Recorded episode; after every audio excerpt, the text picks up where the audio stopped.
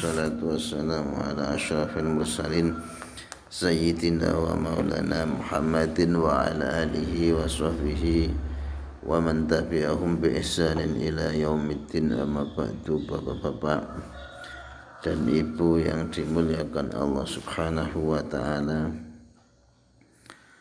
Sampai hadis ke-11 cerita tentang sodakoh jadi dari sahabat Ali beliau mengatakan bahwa Rasulullah berkat, bersabda as-sadaqatu idza kharajat min yati sahibiha taqau fi yadillahi qabla an tadkhula fi yati sa'il.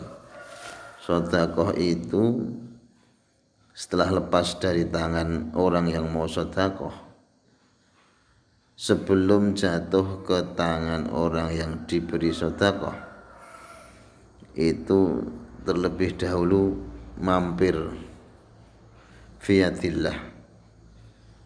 Yatnya Allah. Yatun itu tangan.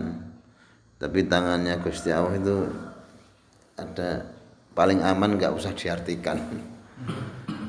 Tangannya Gusti Allah dan tidak tahu itu. Yang jelas kalimatnya seperti itu hadisnya Nah di hadapan Allah fatatakallamu bi khamsi kalimat. Dia menyampaikan lima kalimat. Di hadapan Allah ngomong kepada kita dengan lima kalimat. Satu kuntu saghiran fakabbartani. Saya itu aslinya kecil tidak seberapa fakabbartani tapi karena engkau mensodakohkan aku maka engkau telah membesarkan aku. Nilaiku jadi besar di hadapan Allah subhanahu wa ta'ala. Karena sodakoh kalau di tangan kita sih masih kecil saja paling dapat mie ayam sak mangkok ya. Mie ayam manis. Dia ada pak mie ayam viral katanya di Temanggung. itu kandangan tapi kok manis nih ayam kalau saya tak tambah apa garam bolak balik tetap manis gitu. Ini mie ayam kok manis itu tapi viral pak. Rame itu. Di kampung desa itu. Sampai ada tukang parkirnya juga itu. Besok dicoba itu anak-anak naik seneng itu. Seneng mie ayam. Di kandangan medsosnya. Di karena medsos rame itu memang rame tak sekilas rame lah. Aslinya kecil aslinya cuma dapat satu mangkok mie ayam. Tapi karena disodakohkan wah jadi besar di hadapan Allah subhanahu wa ta'ala. Sodakoh. Wa kuntu qalilan fakasartani saya itu dulu sebelum kamu sodakohkan saya itu sedikit tapi karena engkau sodakohkan maka nilaiku menjadi banyak. Itu sepuluh ribu tapi disodakohkan jadi banyak. Apalagi sodakohnya jariah. Weruh santri Nonggarjo. Lagi milih-milih kitab. Ya pak. Ditanya tuku tanah iya pak. Iya tuku milih kitab mau beli. Berapa? 25 ribu. Udah tak bayarin. Kitab pak itu pak kitabnya 25 ribu atau 10 ribu lah. Ini nggak sampai ini paling berapa nih 5 ribu dulu dulu zaman saya beli kitab tuh 500 1500 mana dulu Surabaya itu. Tapi harga yang segitu itu jadi berlipat ganda. Itu kitabnya dia ngaji. Sampai hatam. Terus dia nanti pulang kitabnya buka pengajian diajar nih kepada santri-santrinya murid-muridnya satu muridnya itu jadi kiai jadi berapa muridnya? Diajar gitu terus terus itu wow jadi banyak jariah betul itu. Padahal kalau kita belikan bakso paling cuma sak mangkok sama es itu saya senang kalau ketemu para pencari ilmu gitu senang karena itu jariah betul itu. Paling paling berkah. Mereka kalau dibawain kerupuk yang nggak seberapa nilainya di kita itu ceriping selengkreng yang di kita bisa berbulan-bulan nggak kemakan disangok oke itu dalam sekejap pak. Habis pak. Wis koyo ikan piranha itu. Nek santri itu. Temennya bawa satu bal sore sudah habis pak. Ya kan udah diruyuk gitu. Bahkan sarung juga diruyuk itu. Sarung itu diruyuk. Ya maklum ya kan? Semua itu akan enak kalau banyak saingannya itu. Makanan tuh kalau di rumah nggak ada saingannya kita jadi nggak kelihatan enak. Tapi kalau di pesantren mau sing kita ora enak itu di rumah itu di sana itu wis dilalap kasih enak gitu. Cuman dulu itu saya sama Pak Kiai itu makannya Pak kalau habis golek wedi buat pondok. Dulu nggak beli pasir itu Pak. Kita nyari di sungai.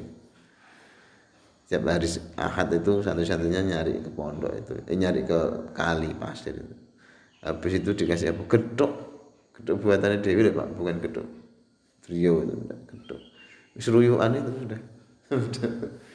Seneng tapi ini Wa kuntu atuwan fa ahbabtani dan saya dulu sebelum kamu sedekahkan itu aslinya musuhan sama kamu. Saya itu musuhnya kamu. Yang harta itu kan musuh, paling tidak nanti musuh ketika kita his, dihisap itu musuh itu dah ya kan? Semakin banyak harta semakin lama hisapnya. Paling tidak itu ya. Auditnya lama itu jadi harta itu diaudit dua kali double dia. Dari mana dapatnya? Min aina iktasaba. Dari mana dapatnya? Wafima angfak dan dari dan ke mana engkau infakkan? Dua. Kalau yang lain kan sekali sekali kan. Tapi kalau harta ditanya tentang dua. Kalau umur untuk apa umur kau habiskan? Nah, tapi kalau harta dari mana? Untuk apa? Fa'ahbabtani akibat engkau mensodakohkan aku maka engkau menjadikan aku kekasihmu. Jadi membela nanti itu tadinya mau menjerumuskan ketika diaudit di akhirat tapi karena kita sedekah kan belani Pak. Kemarin tak sedekah kan buat TPA-nya Pak Sigit kok tak buat sarapan. Ini nanti sarapan ini TPA-nya sana itu ada hampir 60-an anak-anak karena ada yang sedekah wa kuntu faniyan dan sebelum kamu sedekahkan saya itu punya masa kadaluarsa. Paling berapa sih? Berapa lama kamu megang 50 ribu itu? Sehari habis pak. Atau satu juta itu paling seminggu habis itu pak apalagi kalau dua dapur wah ya kan cepat habis itu Fa'ab koitani akibat engkau sedekahkan aku maka engkau telah menjadikan aku kekal kekal di hadapan Allah Subhanahu wa taala, kekal di hadapan manusia juga. Insya Allah juga disebut-sebut walaupun kita tidak minta ya. Wah terima kasih ya Mas kemarin sudah nyantuni kita, nyantuni yatim kita, nyantuni santri kita. Disebut-sebut Pak. Dan itu kekal. Kebaikan yang kekal. Wa kunta harisi fal ana harisaka Sebelum kamu jadikan aku objek sodakohmu, kamu sibuk menjaga aku. Kamu yang sibuk jaga aku. Ya kan? Kemarin dicontohkan orang yang punya cabai itu kalau lagi in-innya harga itu sibuk Pak Joko. Kita punya harga harga nggak seberapa, paling berapa batang emas. Itu aja taruh di brankas, brankas dikunci, taruh di dalam lemari. Lemari dikunci. Lemari dikunci lemarinya dalam kamar kamarnya dikunci. Kamarnya kunci dalam rumah rumahnya kunci. Rumahnya dikunci masih ada gerbang gerbangnya dikunci. Sisi kobongan kuncinya hilang. Bingung pak kuncinya sing dingin bingung banget habis. Di Surabaya itu ada apa rumah yang kayak gitu juga. Di kamarnya dikunci. Dalam rumah dikunci. Rumahnya dikasih gerbang tinggi dikunci. Kebakaran pak sak keluarga entek. Ya kobongan orang mikir golek kunci kunci nang kan entek sak keluarga. Maka kadang harta itu malah jadi jadi malapetaka. Kita bingung joko punya harta bingung mbak minimal tuh ya ya mas bibit SPT ini kepriwe cuma bingung itu. Ketemu orang pajak bahaya suruh ngaku semua hartanya itu. Udah saya nunggu amnesti saja nanti. Ya no, no. suruh jujur dari awal katanya Waruya an makhul asyami rahmatullah alaihi qala idza tasaddaqal mu'min sadaqatan radhiya biha anhu wa natat jahannamu ya rab i'dzan li bis sujud syukran laka. Diriwayatkan dari makhul asyami almarhum ya. Kalau seorang mukmin itu mengeluarkan sodakoh kemudian dia ridho dengan sodakohnya ikhlas betul gitu aku ikhlas ah sedekah sak mangkok bakso. Ikhlas itu. Atau sedekah seratus ribu di masjid di pesantren. Nah, jahanam menghadap Allah subhanahu wa ta'ala neraka itu. Dia minta izin kepada Allah untuk bersujud syukur. Neraka jahanam matur nuwun. Ya Allah syukron laka. Terima kasih ya Allah. Fakot a'taqat i'taqta ahadan min ummati Muhammad alaihi salatu wassalam. Kamu sudah membebaskan satu dari sekian umat Muhammad sallallahu alaihi wasallam min azabi dari siksaanku nanti. Dia padahal dimasukkan list untuk masuk jahanam tapi gara-gara sodakoh rong atau sewu gunung kok santri kitab misalkan kitab Riyadus Solihin kitab Ekna. Nek kitab sing tebel-tebel ya jutaan pak. Saya mau beli kitab miskat itu masa oh tak kira murah sepuluh sih setengah? Gue sih nunggu sik. Nunggu uang dinas cair. Kadang pas uang dinas cair mobilnya jaluk servis DC kan yes. Kalau orang itu sedekah maka yang tadinya dia tertulis di list jahanam jahanam bakal minta kepada Allah untuk bersujud syukur karena dia sudah sedekah artinya membebaskan dia dari neraka.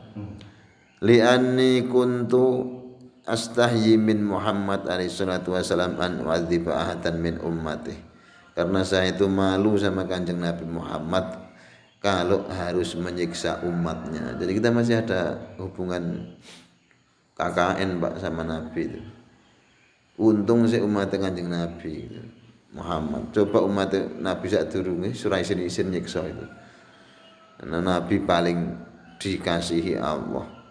Nabi paling digul-gul ke Allah. Nabi syafi'ul musyafa' dia yang memberikan syafaat dan musyafa' yang syafaatnya pasti diterima. Jadi dalam kitab-kitab akidah dulu termasuk kitab Tambil Ghafilin itu besok umat Rasul manu, umat manusia itu dikumpulkan Pak. Besok dikumpulkan di akhirat. Nah, yang banyak-banyak dosa itu itu bingung nyari syafaat.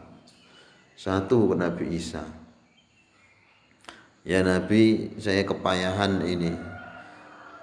Kita kok di masukkan list neraka saya minta syafaatmu.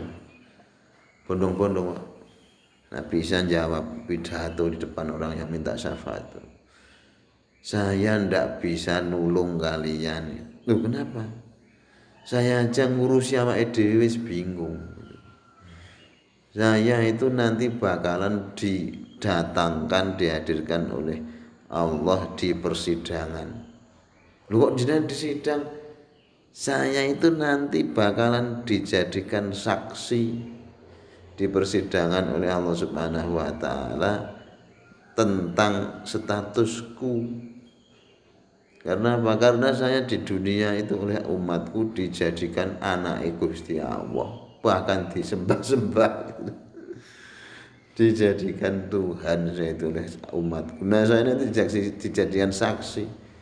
Ya benar saksi itu dia tidak duduk sebagai terpidana, tertuduh bukan. Tapi kan paling tidak menyita waktu, menyita tenaga. Ya kan? Saksi itu kan paling tidak kan ya takut saya saya sudah mikirin itu sudah ketakutan kan Melayu dengan Nabi Musa disuruh minta syafaatnya Nabi Musa. Sampai Nabi Musa padahal perjalanan jauh ya. Nabi Musa ya ya Nabi kita minta pertolonganmu syafaatmu. Kita sudah kepayahan nanti mau dimasukkan ke neraka ya. minta syafaatmu kata Nabi Musa. Kamu tahu saya dari mana? Dari Nabi Isa. Oh berarti dari habis dari Nabi Isa? Iya. Kamu keliru alamat Kayak, kayaknya kamu apa sukanya dangdut ayu ding ding alamat palsu. Jadi saya sendiri saja bingung kata Nabi Musa. Nanti saya juga mau dihadirkan di hadapan Allah Subhanahu wa taala di pengadilannya Allah. Saya itu kebingungan. Loh kok bisa jenengan kan nabi terhebat? Bukannya gitu. Saya dulu pernah melakukan pidana. Nabi Musa itu dulu mudanya pak jotos pisan anak buah Fir'aun. Pas ada kasus kisruh antara umatnya Bani Israel dan umatnya Fir'aun. Kipti nesu jotos pisan koet ya pak? Koet 19 itu. Orangnya itu. Nah Nabi Musa itu ketakutan Pak. Besok dihadapkan pada pengadilan nah, pernah melakukan pidana itu. Padahal sudah diampuni tapi ketakutan juga. Dah kalau gitu sekarang ke Nuh saja. Nabi Nuh suruh ke Nabi Nuh. Ya Mbah Nuh saya kita serombongan ini minta diberikan syafaat karena kita nanti ceritanya bakal disiksa di jahanam. Lu tahu dari mana? Saya bisa nyafaati kalian dari Nabiullah Musa. Duh, keliru itu. Saya aja kepikiran nanti bagaimana menghadap pengadilan Allah Subhanahu wa taala dari sekian dosa saya. Jadi dosanya apa? Tungane aku, saya itu sering masuk no umat Ora sabaran kan Nabi Nuh itu orangnya. Jadi Nabi Nuh itu doanya di, di Quran itu di, diabadikan. Katanya ya Allah habisi semua orang yang kafir. Tinggalkan saja orang yang mukmin ya Allah. Ya bener tuh dongamu itu. Si ditakoni ning Gusti, bener kamu tuh gitu. Bener. Nabi kan kon dakwai umatnya dari kegelapan, dari kekafiran menuju tauhid mutung mbak sangang atau saya tahun dakwah cuma dapat 70-an orang sangang atau saya tahun ini saya kalau nggak ada tambahan itu ya semini tok. Udah ada tambahan C itu. Belum C. Wis ngene tapi ya sing penting kan malah seneng sedekah lah enteng itu. Mutung nabi nah. udah saya minta diazab semua aja itu jangan ditinggalkan kecuali orang-orang yang mukmin. Yang kafir habis aja ya Allah. Bener bener. Ya udah. Tapi ojo getun loh ya. Kalau azab saya sudah turun tidak ada yang bisa nahan tunggu mulu nggak nggak payu azab saya sudah tak turunkan. Bener ya nggak nyesal enggak katanya itu. Ya udah tungguin di sana. Beberapa hari lagi tanda-tanda azab saya mau turun ketika dapur sudah mengeluarkan air. Tungku api sudah mengeluarkan air. Aneh tuh pak? Pawon kudune ana genine malah jadi sumber air. Nah, itu itu mulai azab bener satu saat azab mau datang orang mau masak nggak iso Pak. Tiba-tiba basah berair itu pawon itu. Itu kan satu paradoks ya. Tungku yang harusnya ada apinya malah jadi air. Bener ternyata air itu nggak kebendung. Udan terus. Air nyumber semua fafarot tanur itu. Jadi banjir akhirnya Nah akhirnya Nabi Nuh tidak menyesal karena apa? Karena yang kerem itu termasuk anaknya kan aneh itu. Anak sing anak lanang sing ganteng dewi sing kumandil-mandil ati kok malah dia kerem. Ya Allah itu anak saya. Lu kok anakmu kok digetuni gitu loh. Katanya minta azab, enggak getun, ya getun anak itu. Nah, ayo sini nak gitu kan. Kata anaknya sa'awi ila jabalin. Saya mau naik ke gunung nanti. Ya simuni minal mak. Dia yang gunung tadi bisa menyelamatkan saya dari air. Terus terus terus wah ya tidak bisa. Kelelep kabeh. Kelelep kabeh. Nah berlayar sekian lama perbekalan habis. Terdampar di Bukit Judi tanggal 10 Muharram. Habis-habisan tuh bahan makanan tinggal sisa-sisa sayur saja. Dibuat bubur yang penting dibanyakin airnya jadi bubur. Terkenal dengan bubur suro. Kita kemarin bubur bakso ya pak ya? Suro adit. Ikut surai Nabi Nuh itu kemarin. Di mana-mana itu. Banjir. Akhirnya dari Nabi Nuh tidak bisa. Nah saya tadi saya itu takut besok di pengadilan Allah mempertanggungjawabkan doa saya itu. Sedih paling sedih. Udah main ke Nabi Ibrahim saja. Nabi Ibrahim. Oh, berbondong-bondong semua umat itu menuju Nabi Ibrahim. Ya Nabi saya minta syafaatmu dari kepayahan di akhirat ini. Nabi Ibrahim heh nggak keliru. Nggak keliru kamu minta syafaat itu. Lah terus gimana? Lu aku bingung kok. Saya itu bingung sendiri dengan nasib akhirat saya. Lanjutnya hmm, bapaknya para nabi kok bingung. Lah saya itu di dunia itu pernah bohong nih. Nah, kalau kita kan sering bohong ya. Jadi nggak susah gitu. Kalau Nabi Ibrahim itu jarang bohong sekali bohong susah. Kita sering bohong mah jadi nggak susah. Untung ya. Untung sering bohong jadi nggak susah. Duh bohong nopo Nabi? Lah dulu ketika pertama kali saya mencelasi itu ngabisin patung-patung di kuilnya Namrud itu. Kan yang tak sisain kan yang paling gede itu. Tak kalungi itu pakai kapak itu kan.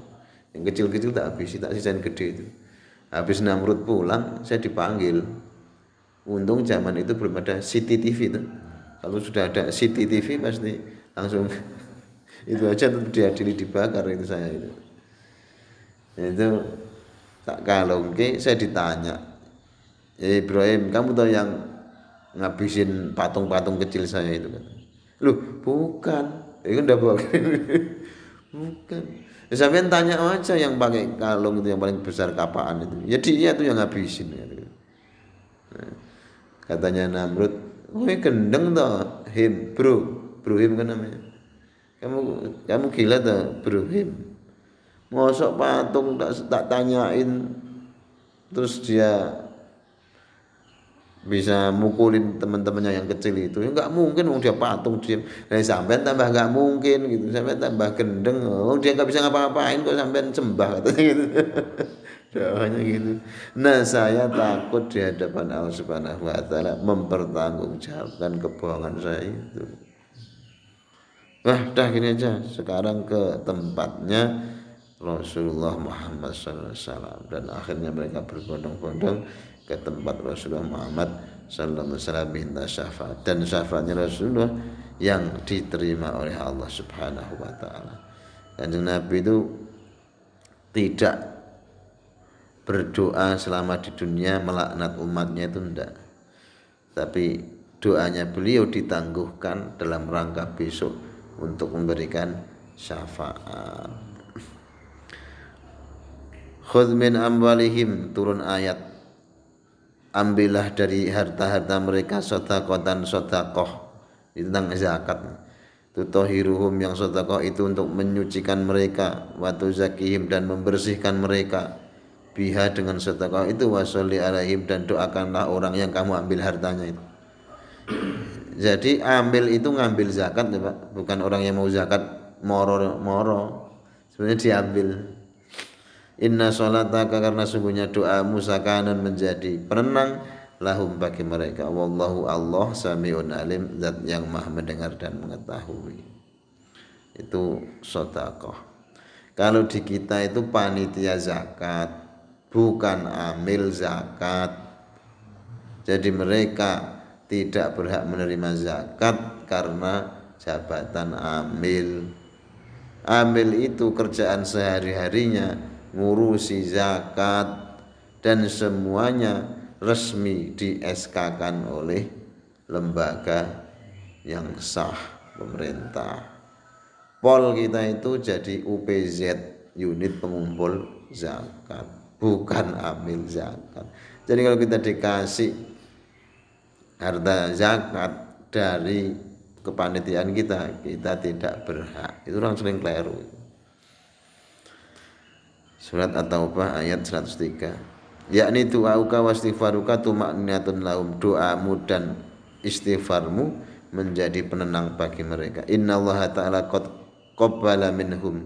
Sungguhnya Allah ta'ala menerima sedekah mereka. Kalau Allah ta'ala alam ya'lamu anna Allah huwa yakbalu taubah? Alam ya'lamu adakah kalian tidak mengetahui? Mereka tidak mengetahui Sesungguhnya Allah menerima taubat dari hamba-hambanya. Wa ya'khudhu sadaqati dan mengambil sedekah. At-Taubah ayat 104. Fayaqbalu sadaqati kama akhadhaha ar-rasulu alaihi salatu wassalamu minhum. Jadi Allah menerima taubat sebagaimana Rasul mengambil sedekah daripada orang-orang yang memiliki kelebihan harta. Jadi barang siapa yang masih di dunia dia punya kelebihan sodakoh mumpung masih ada kesempatan kita bersodakoh. Karena orang meninggal nanti akan menyesal. Mereka akan bilang wa fa'asodaku wa aku ya Allah kembalikan saya barang sesaat sak jam lah tidak apa-apa. Orang yang meninggal itu saya akan rajin sodakoh fa'asodaku wa akum minas solihin dan setelah jadi orang yang ahli sodakoh saya tak jadi orang yang soleh. Nanggung kita masih hidup buh sodakoh apa? Kemarin ada sodakoh pak pau. Ada sodakoh dagingnya mas Wiwit. Nah, ini kemarin saya dititipi sodakoh juga dari teman kantor tak wujudkan sarapan nanti untuk santri-santri. Walhamdulillahirabbil subhanaka wa bihamdika asyhadu an la ilaha illa anta astaghfiruka wa atubu ilaik. Assalamualaikum warahmatullahi wabarakatuh.